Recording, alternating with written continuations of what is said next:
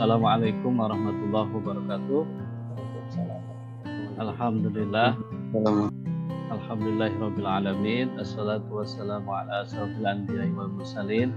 Asyhadu an la ilaha illallah wahdahu la syarikalah wa asyhadu anna Muhammadan abduhu wa rasuluh alladzi la nabiyya ba'da. Puji syukur kita panjatkan kehadirat Allah Subhanahu wa taala pada pagi hari ini ya. Di hari Senin pagi ini kita bisa berkumpul bersilaturahim dalam perkuliahan pendidikan Pancasila. Terima kasih yang pertama kami sampaikan ke Pak Evi karena sudah berkenan untuk mengajak ya, mengajak saya dalam kuliah pendidikan Pancasila ini. Uh, mudah-mudahan ya perkuliahan Pancasila atau kerjasama yang kita laksanakan pada pagi hari ini ini menjadi awal ya bukan kegiatan pertama dan terakhir ya Pak Evi ya tetapi menjadi awal untuk kegiatan-kegiatan berikutnya antara UAD dan UMP gitu ya sebagai sebagai perguruan tinggi yang sama-sama di bawah naungan Perserikatan Muhammadiyah. Nah, untuk pertemuan kali ini kita akan uh, membincangkan.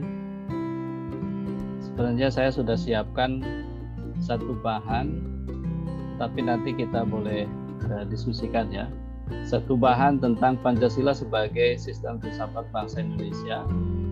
Kemudian uh, saya ingin ajak kita semua untuk berbicara tentang Pancasila sebagai darul ahli wasyahadah nanti bahan tayangannya ini boleh uh, saya bagikan ya bisa dibaca. Kemudian ada juga satu artikel tentang Pancasila sebagai Darul Ahdi Wasada yang saya tulis dan pernah saya uh, presentasikan dulu dengan Pak Abnan Hadi Kusumo cucunya Ki Bagus Hadi Kusumo ya yang jadi anggota DPD dari uh, wilayah DI Yogyakarta. Dan satu lagi nanti ada tayangan yang boleh teman-teman semua nanti lihat ya saksikan atau ikuti di YouTube perbincangan saya dengan uh, Pak Kosasi Adi Saputra dosen di Universitas Siliwangi. Sama-sama dosen Pancasila di Universitas Siliwangi uh, Tasikmalaya juga sama berbicara tentang Pancasila sebagai darul ahdi wasyahadah jadi kalau misalkan hari ini tidak sempat semua kita bahas, paling tidak bahan-bahan tadi lah bisa menjadi oleh-oleh untuk kuliah kita uh, pagi hari ini.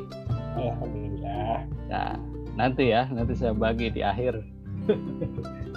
Baik teman-teman ya, tadi sudah diperkenalkan oleh Pak Evi. Ya, nama saya Dik Dik BHK Arif. Ini nama khas orang Sunda ya.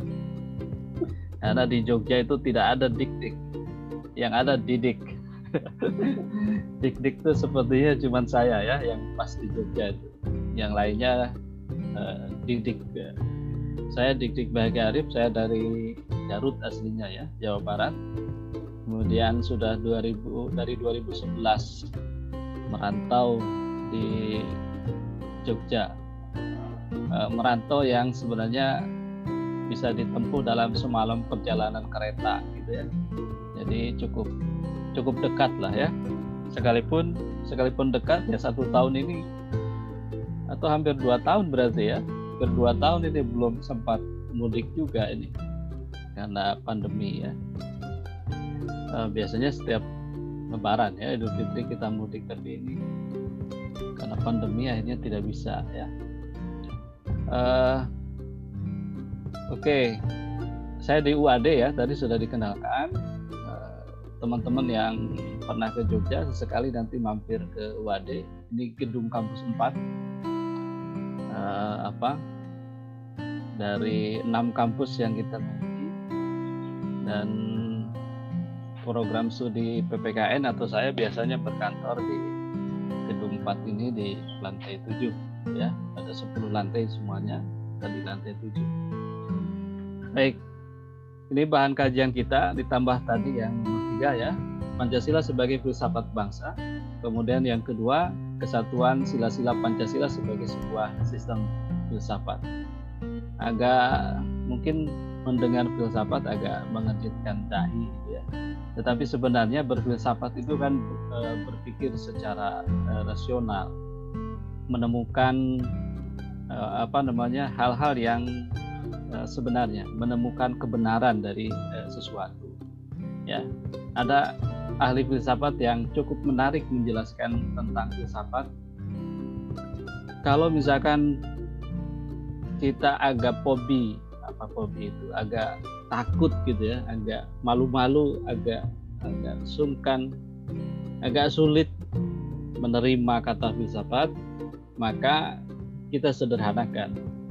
Berfilsafat itu kan artinya berpikir secara benar gitu ya. Berpikir secara rasional berpikir secara radikal untuk menemukan eh, kebenaran dari sesuatu. Nah Mengenai dua hal ini, Pancasila sebagai filsafat bangsa, kemudian kesatuan sila-sila Pancasila sebagai sebuah sistem filsafat, ini sebenarnya ada dua hal kalau kita bicara tentang uh, filsafat bangsa, Pancasila sebagai filsafat bangsa ini ada dua hal. Yang pertama kita mengkaji Pancasila sebagai sistem filsafat dunia. Apa artinya? Kita menempatkan Pancasila setara dengan nilai-nilai filsafat yang ada di dunia. Nah, jadi kalau misalnya kita menyebut di dunia ini katakanlah ada dua golongan besar uh, aliran filsafat. Ada aliran filsafat religiusitas, artinya uh, cara berpikir ya menemukan uh, pemikiran yang benar tentang bahwa kehidupan itu semuanya sangat tergantung pada ketentuan Tuhan. Jadi eh, apa pun yang terjadi itu dalam kehidupan ini eh, semuanya sudah digariskan oleh Tuhan, gitu ya. Oleh di, sudah digariskan oleh Allah. Manusia dan makhluk yang lainnya hanya tinggal menjalaninya saja. Itu kelompok yang pertama jadi aliran filsafat besar yang pertama itu yang religiusitas, yang menganggap semua hal itu e, berdasarkan pada ketentuan-ketentuan atau sudah digariskan oleh Allah. Kemudian yang kedua, jika kita mengkaji Pancasila sebagai sistem filsafat berarti mengkaji Pancasila secara filosofis ya. Mengapa secara filosofis? Artinya kita uh, mohon maaf sebelum ke filosofis yang kedua tadi yang religius kemudian yang kedua adalah aliran filsafat sosial ya. nah aliran filsafat sosial ini menganggap bahwa urusan di dunia ini ya semuanya bergantung kepada manusianya itu sendiri jadi tidak ada campur tangan Tuhan ya kita berbuat kesalahan yaitu memang karena manusianya bukan bukan karena Tuhan gitu ya. Nah, itu dua aliran filsafat dunia. Nah, kemudian di mana Pancasila? Nah, gitu ya. Di mana Pancasila? Kalau kita mengkaji Pancasila sebagai sistem filsafat berarti kita menempatkan Pancasila itu sebagai uh, aliran filsafat. Nah, aliran filsafatnya apakah yang religiusitas atau yang sosial? Nah, itu ya. Mengkajinya di sana. Nah, ternyata kita menemukan Pancasila itu sebagai sebuah sistem filsafat berada berada di antara dua aliran besar itu. Kita tidak condong ke uh, religiusitas ya, murni, juga kita juga tidak condong condong pada uh, sosial gitu ya, yang murni. Kita memadukan keduanya. Kita mensenapaskan antara religiusitas dengan sosial gitu ya makanya kita menemukan di Pancasila sila pertamanya sudah langsung ketuhanan yang Maha Esa tetapi urusan berikutnya itu sudah urusan keduniawian gitu ya ada sampai keadilan sosial bagi seluruh rakyat Indonesia Nah, kemudian yang kedua, tadi Pancasila sebagai sistem filsafat bangsa Indonesia itu berarti kita mengkaji Pancasila secara filosofis. Bagaimana Pancasila dikaji secara filsafat? Paling tidak, kalau kita bicara filsafat kan bicara tentang ontologi, epistemologi, dan aksiologi. Selalu itu, gitu ya. Bicara Pancasila itu ya ontologinya apa, epistemologinya apa, dan aksiologinya bagaimana. Gitu ya. Jadi itu teman-teman, kita bicara filsafat Pancasila, artinya pertama kita mendudukan Pancasila setara sejajar dengan sistem filsafat dunia, aliran-aliran filsafat dunia. Kemudian yang kedua mengkaji Pancasila secara filosofis. Nah, kita lihat yang pertama, Pancasila sebagai uh, filsafat bangsa, artinya kita mendudukan Pancasila setara dengan aliran filsafat dunia. Pancasila lahir dari suatu aktivitas berfilsafat para pendiri negara. Jadi para pendiri negara eh, apa namanya berfilsafat, memikirkan secara radikal, berpikir secara rasional, ya. Eh, bagaimana atau ketika ditanya tentang apa itu Eh, dasar negara yang akan dijadikan uh, ketika bangsa Indonesia merdeka nanti. Mungkin teman-teman ingat ya bagaimana sejarah perumusan Pancasila sebagai dasar negara. Di dalam sidang eh, BPUPK, Badan Penyelidik Pusat Persiapan Kemerdekaan di bulan apa? Mei ya. Kemudian bulan Mei 29 Mei, kemudian bulan Juni ya tahun 45 berikutnya 22 Juni sampai ke 18 Agustus 1945 di sana tercurahkan semua pemikiran-pemikiran anggota BPUPK dan PPKI ya eh, tentang dasar dari Indonesia Merdeka menjawab pertanyaan Ketua BPUPK Rajiman Video Diningrat di atas dasar apa Indonesia Merdeka nanti akan didirikan maka lahirlah Pancasila itu. Jadi Pancasila lahir dari suatu aktivitas berfilsafat para pendiri negara. Fungsinya adalah sebagai pedoman dan pegangan dalam sikap dan tindakan kehidupan sehari-hari dalam lingkungan kehidupan bermasyarakat, berbangsa, dan bernegara bagi seluruh rakyat Indonesia. Jadi mengapa Pancasila sebagai sebuah filsafat bangsa? Karena dia adalah lahir dari suatu aktivitas berfilsafat. Nah, berfilsafat itu seperti apa? Nah, ini ini seperti dikemukakan oleh Ruslan Abdul Ghani ya, mantan Menteri Luar Negeri Indonesia di era Presiden Soekarno. Filsafat Pancasila merupakan refleksi kritis dan rasional. Nah, di sini menemukan bahwa berfilsafat itu artinya berpikir secara reflektif, berpikir secara kritis, dan berpikir secara rasional tentang Pancasila sebagai dasar negara dan kenyataan budaya dengan tujuan untuk mendapatkan pokok-pokok pengertiannya yang mendasar dan menyeluruh. Jadi kita menemukan, ingin menemukan Pancasila itu sebenarnya apa, gitu ya. Jadi berfilsafat Pancasila artinya menemukan uh, tentang apa itu Pancasila. Ya, pengertiannya yang mendasar dan menyeluruh, utuh, gitu ya.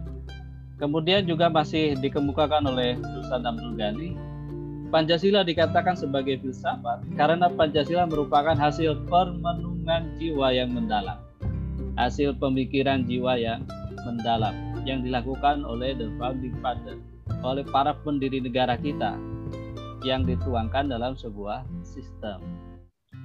Ini menarik ya teman-teman bahwa ternyata eh, Pancasila bukan hanya berkedudukan sebagai dasar negara yang di dalamnya terkandung ideologi eh, nasional ya ideologi bangsa atau pandangan hidup bangsa tetapi juga Pancasila itu adalah sebuah ideologi di mana ideologinya adalah ideologi yang terbuka karena dia mengandung dimensi idealitas, mengandung dimensi realitas dan mengandung dimensi fleksibilitas kan itu ya sesuai dengan zamannya.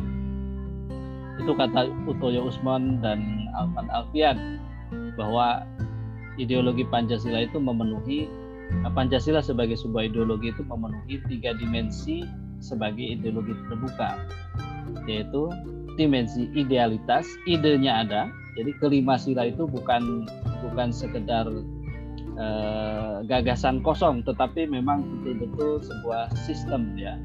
Uh, berpikir sebuah sistem yang mengandung nilai yang paling mendasar. Kemudian yang kedua dimensi realitas. Kelima sila-sila Pancasila itu kan sudah hidup sebenarnya dalam alam pikiran dan aktivitas masyarakat bangsa Indonesia sejak dulu. Karenanya Insinyur Soekarno kan tidak suka kalau disebut sebagai pencipta Pancasila, tetapi lebih senang kalau disebut sebagai penggali Pancasila. Karena menggali nilai-nilai itu dari uh, kehidupan masyarakat bangsa Indonesia. Berenung uh, Soekarno itu di Ende gitu ya, di bawah pohon sukun ketika dia diasingkan dan hasil perenungan-perenungan yang mendalam itu disampaikan dalam sidang BPUPK Nah, kemudian yang ketiga dimensi uh, fleksibilitas. Jadi nilai-nilai Pancasila itu bersifat fleksibel, sejalan dengan zamannya. Gitu ya. Makanya Pancasila itu kita sebut sebagai ideologi yang terbuka.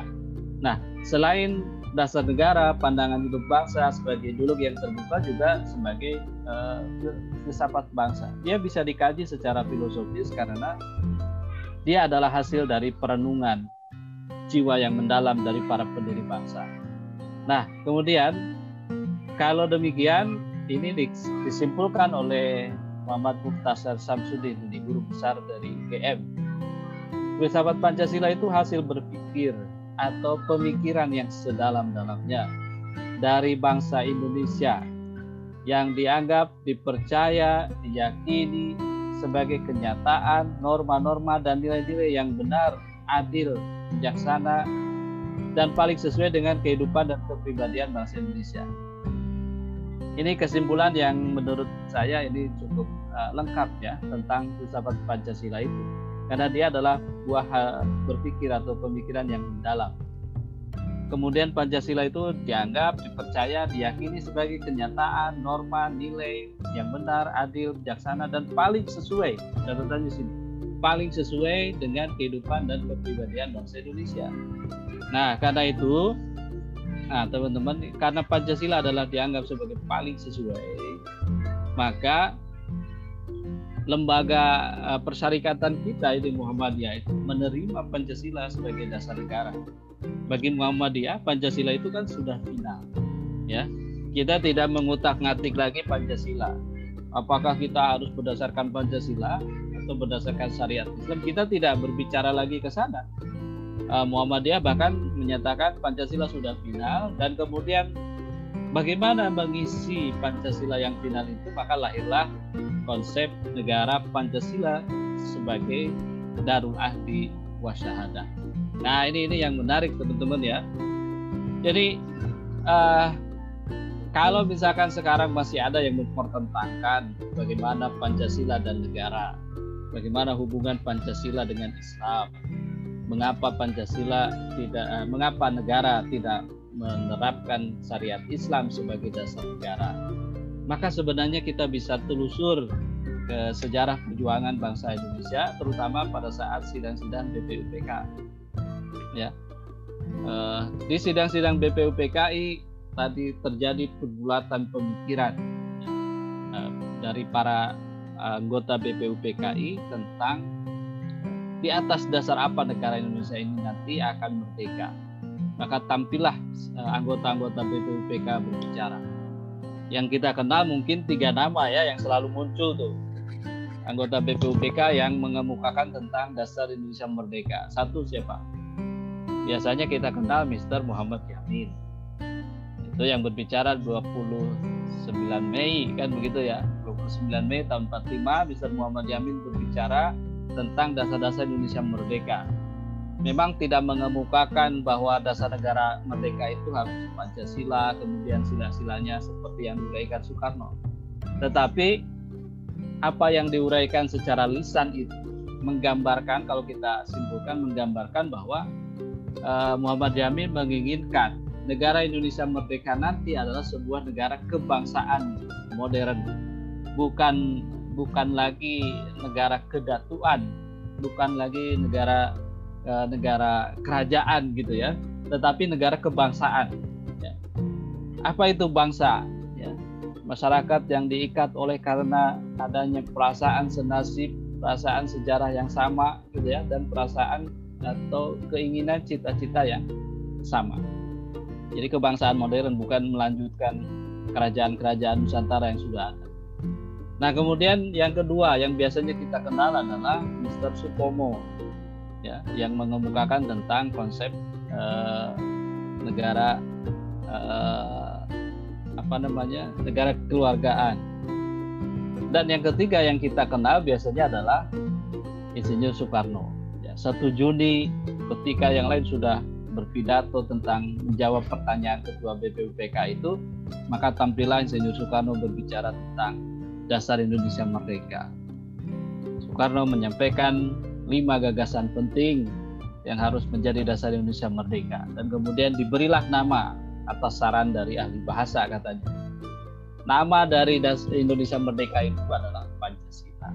Makanya 1 Juni kita peringati sebagai hari lahir Pancasila gitu ya karena pertama kali dimunculkan istilah Pancasila oleh Soekarno dalam.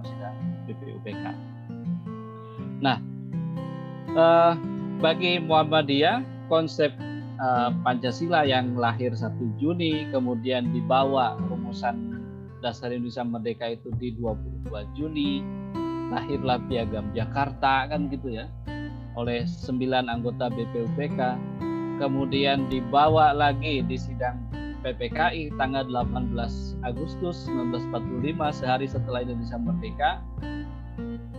Maka bagi Muhammadiyah itu sudah final rumusannya sudah final meskipun ada misalnya eh, perubahan gitu ya dari apa namanya dari 22 Juni Piagam Jakarta dengan 18 Agustus 45 di pembukaan Undang-Undang Dasar 45 itu kan ada perubahan sedikit. Apa perubahannya? Berdasar kepada ketuhanan yang Maha Esa. Awalnya apa? Berdasar kepada ketuhanan dengan kewajiban menjalankan syariat Islam bagi pemeluk-pemeluknya. Itu awalnya Nah, kemudian 18 Agustus 45 ada perubahan yaitu berdasar ketuhanan yang Maha Esa. Atas ide siapa? Ya, nah, tentu kita bisa baca lagi sejarah ketika rumusan Piagam Jakarta sudah disepakati di dalam sidang BPUPKI kemudian sehari setelah eh, Indonesia Merdeka sidang PPKI membincangkan tentang dasar Indonesia Merdeka itu muncul usulan untuk mengubah gitu ya disampaikan oleh Muhammad Hatta atas usulan dari perwakilan Indonesia bagian timur. Nah, yang bersikukuh pada saat itu untuk mempertahankan adalah salah satunya adalah tokoh besar Muhammadiyah yaitu Ki Bagus Adikusumo. Nah, Ki Bagus Adikusumo berpandangan bahwa eh, harus tetap berdasarkan ketuhanan dengan kewajiban menjalankan syariat Islam. Karena itu sudah disepakati sebelumnya. Walaupun akhirnya luluh gitu ya. Luluh oleh e, bujukan Kasman Singa-Dimejo sama-sama tokoh Muhammadiyah ya. Dan kemudian lahirlah ketuhanan yang Maha Esa. Itu juga usulan di bagus gitu ya. Jadi berubah dari Eh, kewajiban menjalankan syariat dengan kewajiban untuk bertauhid ya. makin tinggi justru ininya konsekuensinya. Dari sekedar menjalankan syariat ya ajaran-ajaran Islam dengan uh, ke berubah menjadi kewajiban untuk bertauhid mengesahkan Allah. Oke, jadi bagi Muhammadiyah Pancasila itu sudah sudah final ya. Oke, saya ingin sekarang ingin bicara tentang negara Pancasila sebagai Darul Ahdi Wasyahadah. Nah, negara Pancasila sebagai Darul Ahdi Wasyahadah itu artinya bahwa kita di Muhammadiyah ya yang ditetapkan di Muktamar Muhammadiyah ke-47 di Makassar itu meyakini tadi satu bahwa Pancasila itu sudah final dan tidak perlu diutak-atik lagi tetapi kita punya kewajiban untuk mengisi Pancasila itu. Jadi bukan sekedar kita menetapkan Pancasila sebagai dasar negara, tetapi bagaimana kita mengisi Pancasila itu dalam kehidupan kita sehari-hari. Makanya lahirlah bagi Muhammadiyah NKRI itu adalah sebuah negara Pancasila karena eh, NKRI berdasarkan pada Pancasila. Ini penegasan bahwa NKRI itu ya negara Pancasila, negara yang berdasarkan Pancasila. Nah, kemudian ada sebagai Darul Ahdi ya. Darul Ahdi itu artinya bahwa negara Pancasila NKRI itu termasuk Pancasila di dalamnya adalah sebuah kesepakatan sebuah perjanjian. Jadi kita mendirikan NKRI itu kan kesepakatan, ya. sepakat untuk misalkan memilih Indonesia sebagai nama, sepakat untuk uh, menjadikan bangsa Indonesia sebagai bangsa uh, apa sebagian besar yang ada di negara kita. Kemudian sepakat untuk menjunjung bahasa persatuan bahasa Indonesia itu kesepakatan ya disepakati. Kemudian Pancasila juga hasil kesepakatan. Dia adalah hasil tadi hasil permenungan, hasil perumusan dari para pendiri bangsa. Kita menyepakati Pancasila sebagai dasar negara. Nah, eh, konsekuensinya apa ketika kita menyepakati Pancasila sebagai dasar negara? Maka eh, setiap komponen bangsa itu punya kewajiban apa? Menyaksikan mempersaksikan gitu ya, membuktikan kesepakatan itu, menjalankan kesepakatan itu. Maka lahirlah konsep darus syahadah, negara persaksian. Ya.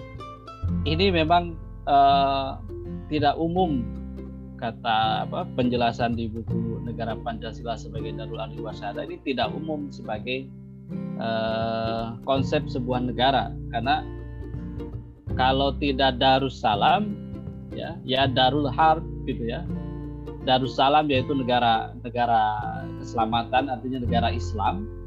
Ya lawannya ya Darul Harb gitu. artinya ya negara negara non Islam negara bukan berdasarkan Islam.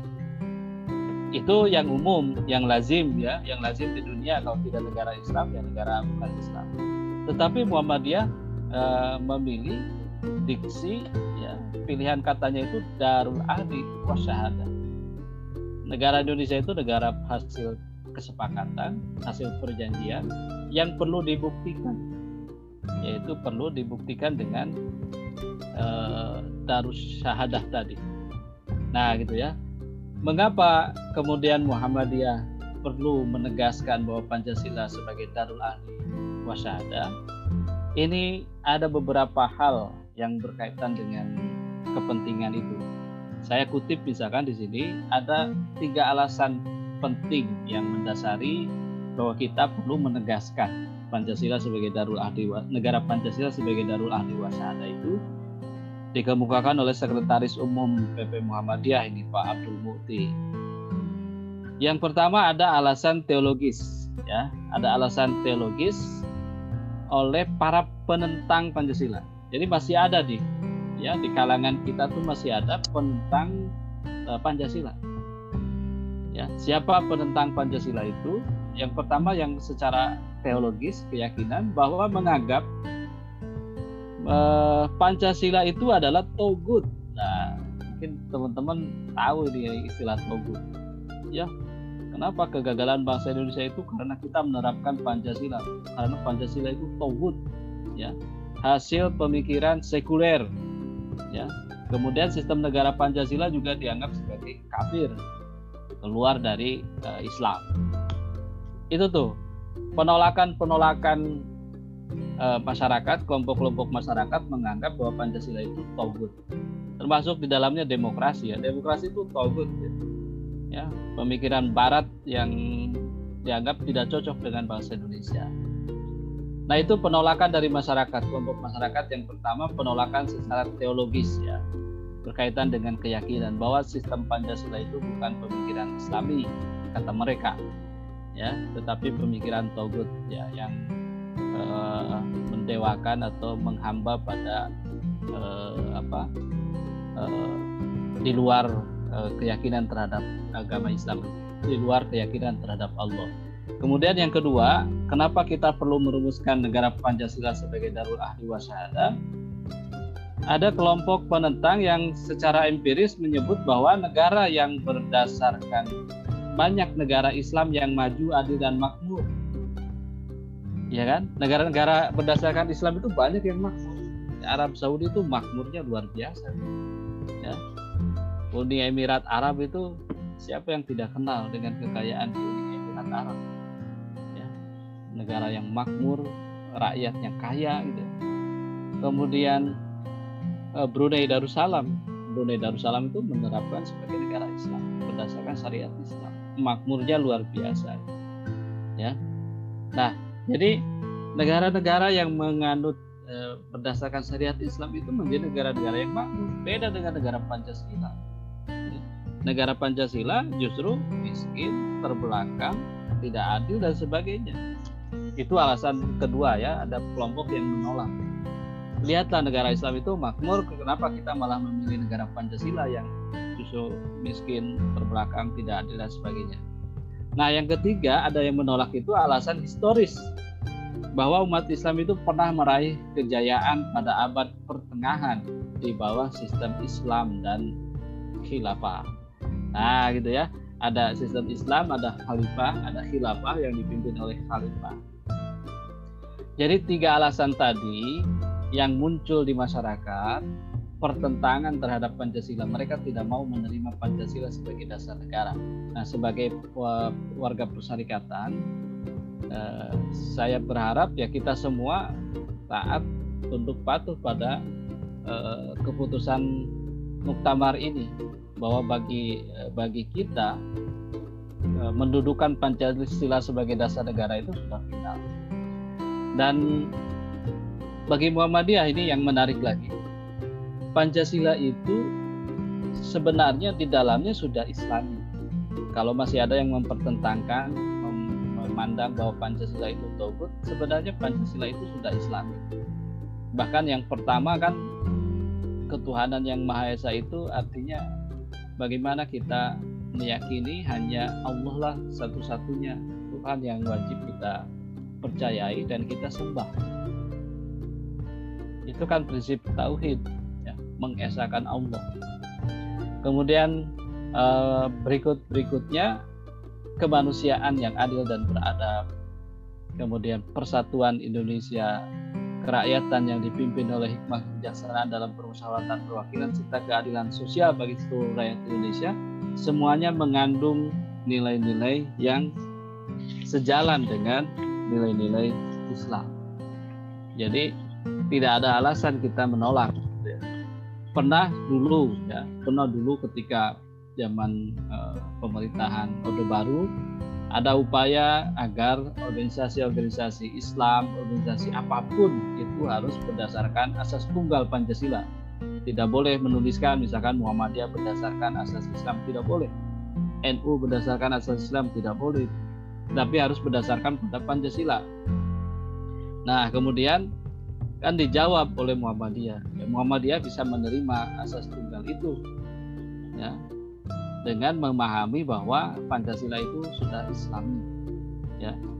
Terus tujuan tujuan dasar negara itu adalah membentuk masyarakat Indonesia yang baldatun, thayyibatun, warahun, gofur, ya negara yang baik dan yang selalu diberikan ampunan oleh Allah Subhanahu wa taala. Nah, ada juga yang menarik dari kalangan NU ya, Nahdlatul Ulama. Ketika memutuskan menerima atau menolak, akhirnya Nahdlatul Ulama menyatakan menerima Pancasila sebagai uh, dasar dari organisasinya. Bagi Nahdlatul Ulama Muhammad apa NU itu ya Pancasila itu bukan agama ya. Jadi kalau kita bagaimana hubungan antara Pancasila dengan dengan agama? Nggak setara sebenarnya ya. Kalau pertanyaan itu sudah keliru katanya. Karena Pancasila bukan agama. Kemudian Pancasila lahir bukan untuk menjadi agama. Ini menarik ya. Sejak awal itu Pancasila lahir bukan untuk menjadi agama. Pancasila lahir itu untuk menjadi dasar negara. Nah, kemudian yang ketiga ya Pancasila juga bukan didesain sebagai agama. Ya, bukan didesain untuk menggantikan agama. Itu tiga hal yang menarik. Pancasila bukan agama Pancasila uh, lahir bukan uh, apa untuk menjadi agama dan Pancasila juga bukan lahir untuk pengganti agama. Itu. Jadi konsep ini sekali lagi, sekali lagi harus kita tegaskan dalam diri kita bahwa eh, Pancasila itu adalah konsep yang final uh, sebagai dasar negara. Ya, Muhammadiyah menyatakan bahwa dia Islami, ya, karena di dalamnya terkandung nilai-nilai Islam. Bahkan apa yang dilakukan oleh Muhammadiyah itu kan sudah sejalan dengan nilai-nilai uh, apa namanya mengisi dari nilai Pancasila itu. Misalkan saya di sini kemukakan ada pendapatnya Profesor Dadang Kahwan, uh, guru besar di Universitas Islam Negeri uh, Sunan Gunung Jati, ya, UIN SGD di Bandung. Profesor Dadang Kahmat menyebutkan bahwa bagi Muhammadiyah uh, semua kita sudah menjalankan sila-sila uh, Pancasila. Misalkan sila sila pertama dalam Muhammadiyah ini uh, ada gerakan berketuhanan, pengamalan nilai agama dan dalam kehidupan keseharian diri, keluarga, masyarakat, organisasi dan warga Muhammadiyah. Bahkan kita punya uh, pedoman hidup Islami warga Muhammadiyah (PHIWM).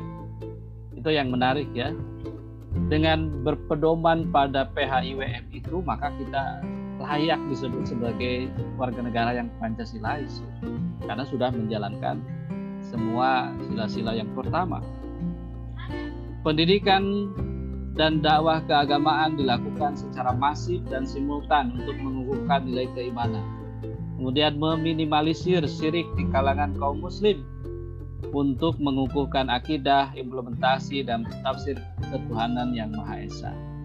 Ya, itu teman-teman ya. Jadi uh, kita tuh uh, apa dalam uh, kehidupan kebangsaan kita Muhammadiyah itu sudah menjalankan semua sila-sila Pancasila.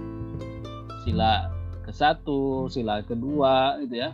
Dalam sila kedua kemanusiaan coba siapa yang tidak kenal dengan peran-peran kemanusiaan dari Muhammadiyah?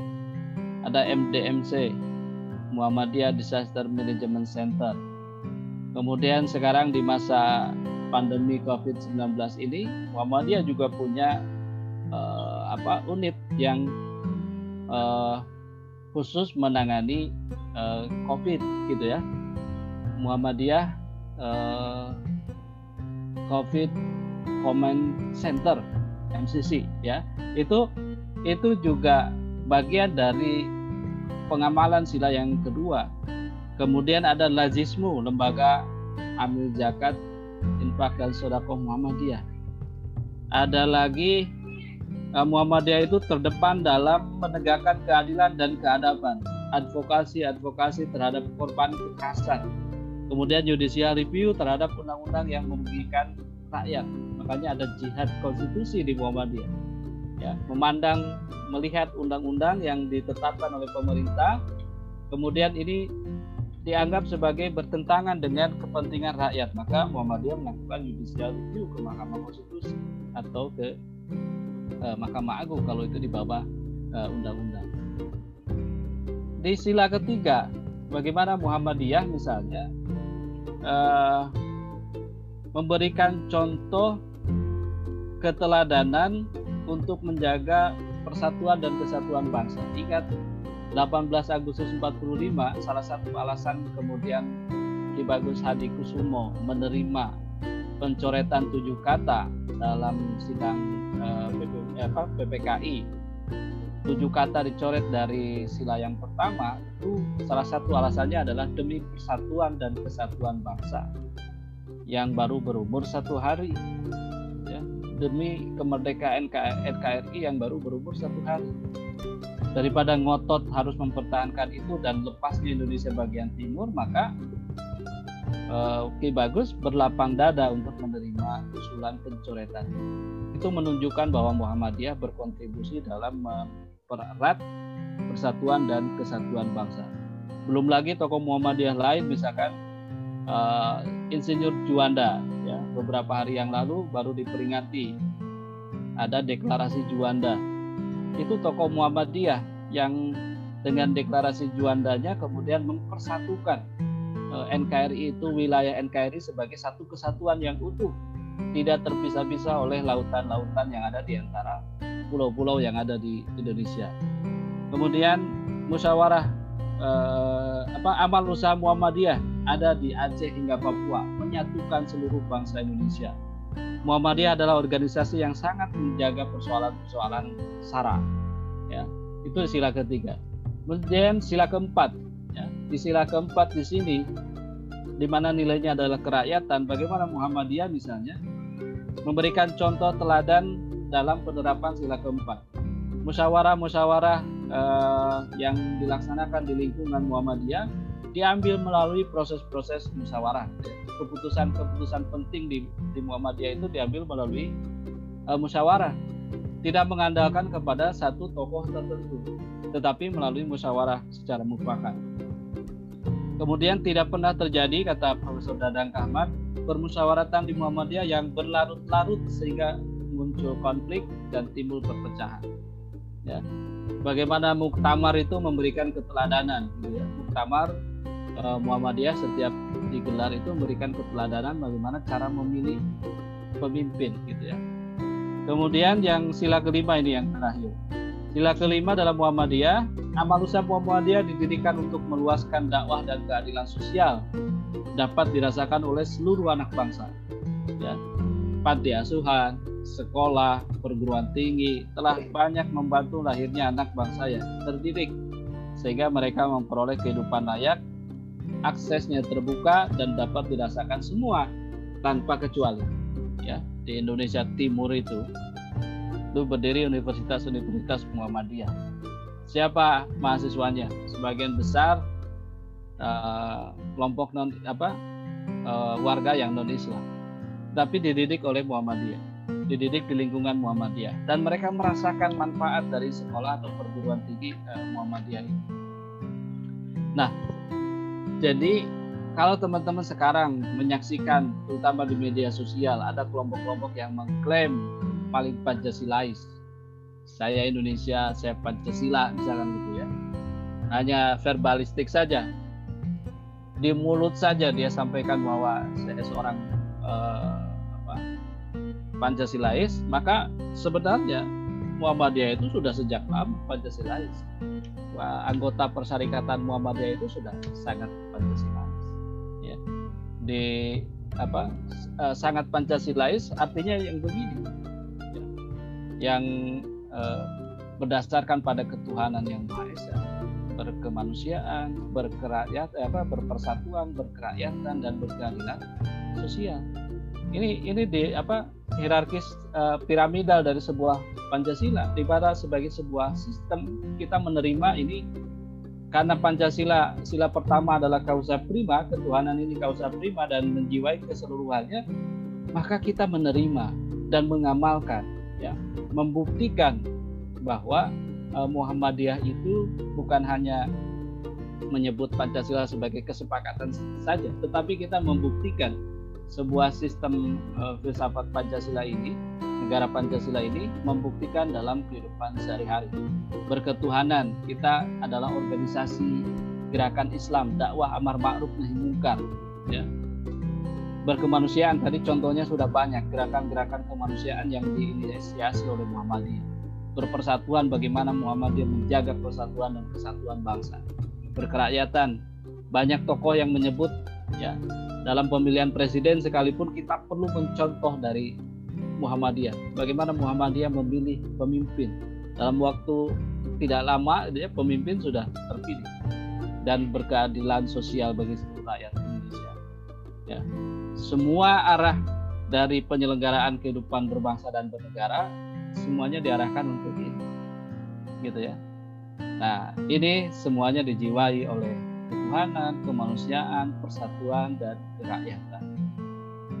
Jadi terakhir saya sampaikan bahwa negara Pancasila sebagai darul ahli wasyahadah adalah ijtihad politik dari Muhammadiyah yang memandang bahwa NKRI ini adalah sebuah negara kesepakatan, sebuah negara perjanjian, eh, Pancasila sebagai dasar negaranya yang perlu dibuktikan dengan pengamalan-pengamalan dalam kehidupan sehari-hari, baik dalam kehidupan keluarga, masyarakat, bangsa, dan negara.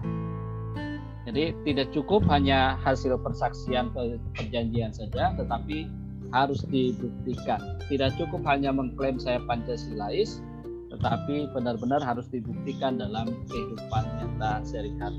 Itulah esensi bahwa negara Pancasila adalah hasil dari kesepakatan dan pembuktian darul ahdi wasyahada yang kalau kita telusur secara filsafat dia memiliki uh, ontologi, epistemologi dan aksiologi yang benar-benar memenuhi unsur bahwa Pancasila itu sebagai sebuah uh, sistem filsafat. Uh, begitu Pak Evi, ini waktunya sudah insya Allah cukup lah ya. Ya, terima kasih teman-teman Pak Evi semuanya. Barangkali kalau ada pertanyaan atau boleh nanti di chat atau boleh WA di bagian akhir saya sediakan ya Terima kasih Pak Dik Silakan. Oh ya, ini yang tadi saya janjikan. Oh iya, silakan. Nah, okay. Nah ini linknya ya, teman-teman coba dicek eh, di potret ya, aja nggak apa-apa. Linknya ini saya bagikan nanti ya. ya nanti bagikan. Dan Jangan ini... lupa di like dan di subscribe ya. Tapi bukan milik saya itu, milik Pak oh. Adi. Oh, oh iya, apa-apa. Sudah seribu lebih. Juga podcastnya di inilah. Nah, ada podcastnya, oke. Okay. Nanti saya share juga podcastnya ya.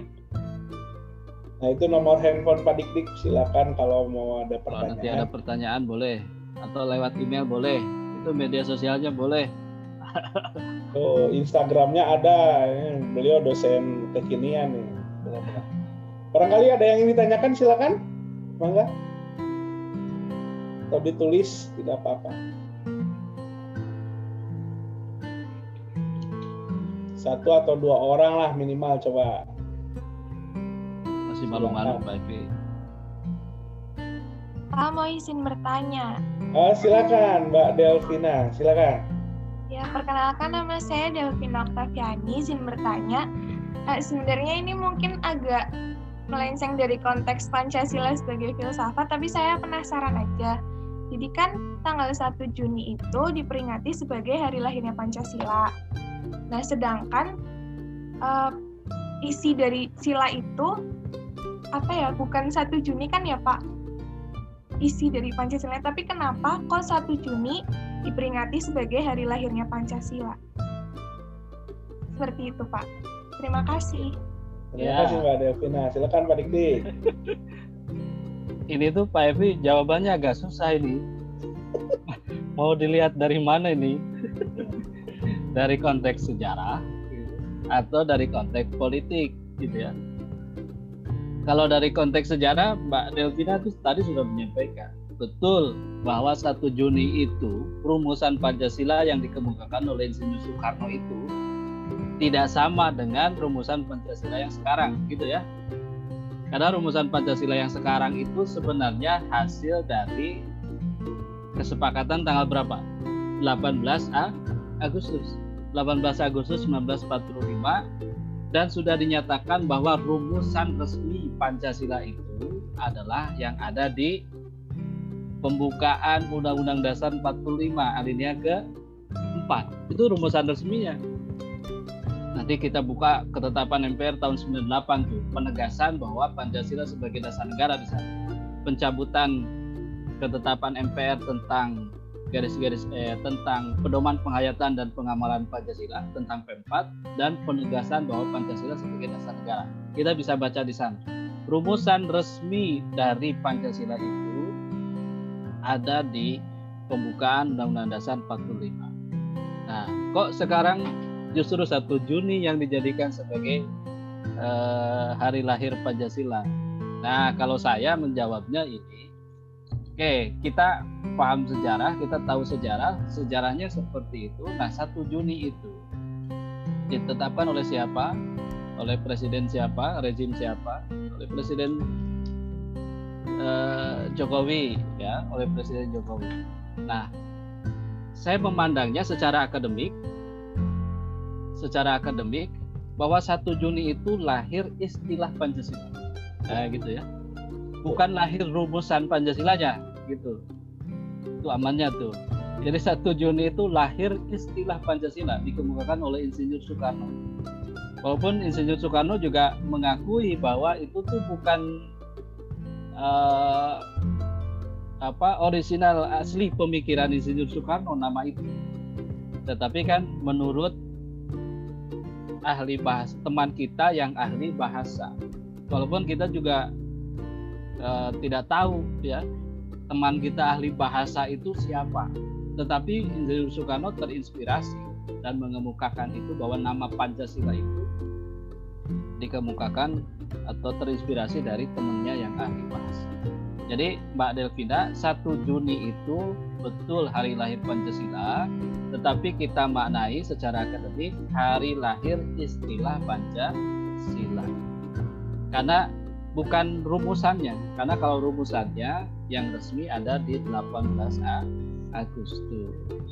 Nah, kenapa kok ngotot 1 Juni sebagai hari lahir Pancasila bukan di 18 Agustus? Nah, saya kira itu ada kepentingan eh, apa namanya eh, kekuasaan saja gitu ya dan kita sebagai akademisi mencoba memahaminya itu satu Juni adalah hari lahir Pancasila dalam arti hari lahirnya istilah Pancasila karena satu Juni itu dikemukakan oleh Insinyur Soekarno. Bukan hari lahir rumusannya. Karena kita harus harus pahami gini Pancasila itu rumusannya termasuk rumusannya itu kan bukan hasil pemikiran satu orang. Nah itu bukan satu orang, tetapi hasil kesepakatan bersama.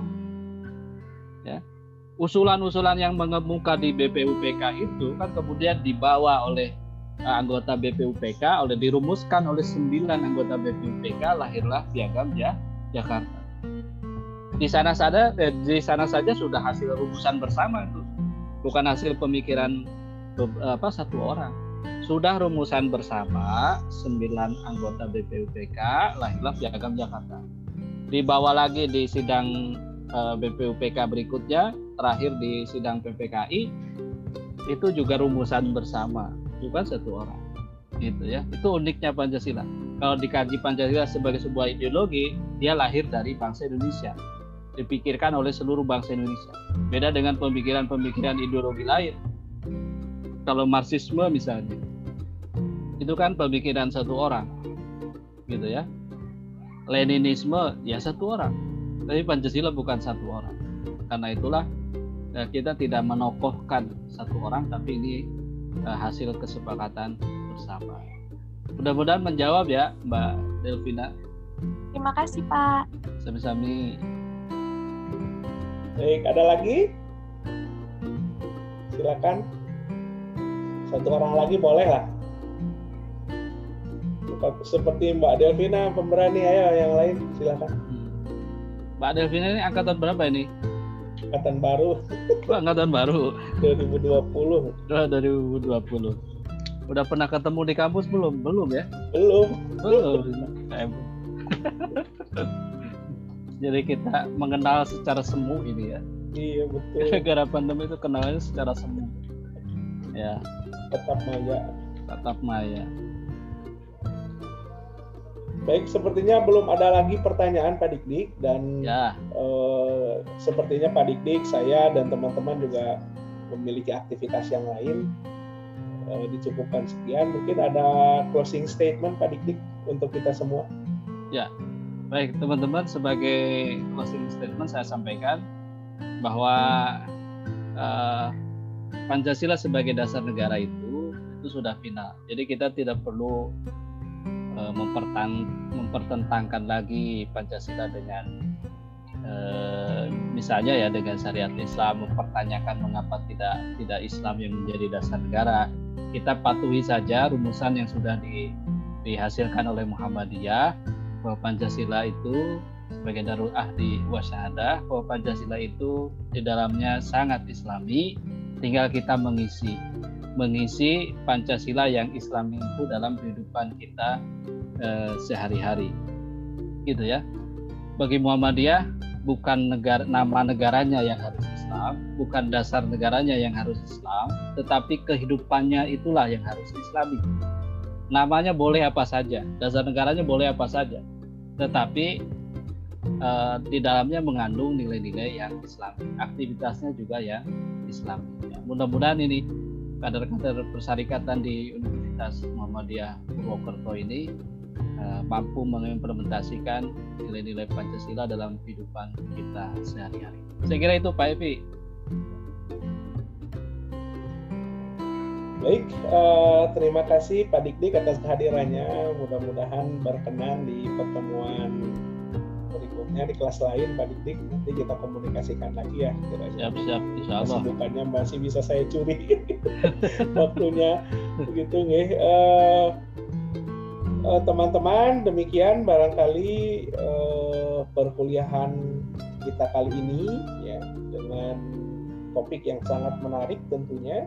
Pancasila sebagai sistem filsafat yang di dalamnya digali pula Pancasila sebagai darul ahdi wa syahadah tadi sudah dijelaskan secara padat, kontekstual, kemudian uh, menginspirasi teman-teman untuk uh, senantiasa tahu tentang Pancasila. Pancasila itu bukan hanya miliknya orang PPKN ya, perawat juga harus kan seperti yang saya sampaikan minggu lalu, anak ini sudah membawa kunci surga, ya, kuncinya terjatuh apakah cocok dengan pintunya atau tidak tergantung nanti amalan-amalan yang Anda kerjakan sebagai seorang perawat yang profesional tentunya kan begitu dan itu juga harus dijiwai oleh nilai-nilai keislaman dan nilai-nilai Pancasila tentunya. Demikian barangkali yang bisa kita uh, diskusikan pada kesempatan ini. Terima kasih Pak Dik-Dik, selamat beraktivitas kepada teman-teman juga. Nanti presensi diisi secara manual ya di uh, di Mbak Erina sebagai sipennya. Terima kasih sekali lagi. Uh, saya mohon pamit kepada Pak Dik dan teman-teman juga. Pokoknya terima kasih. Bila bila hafaz tabikul khairat. Wassalamualaikum warahmatullahi wabarakatuh. Waalaikumsalam warahmatullahi wabarakatuh.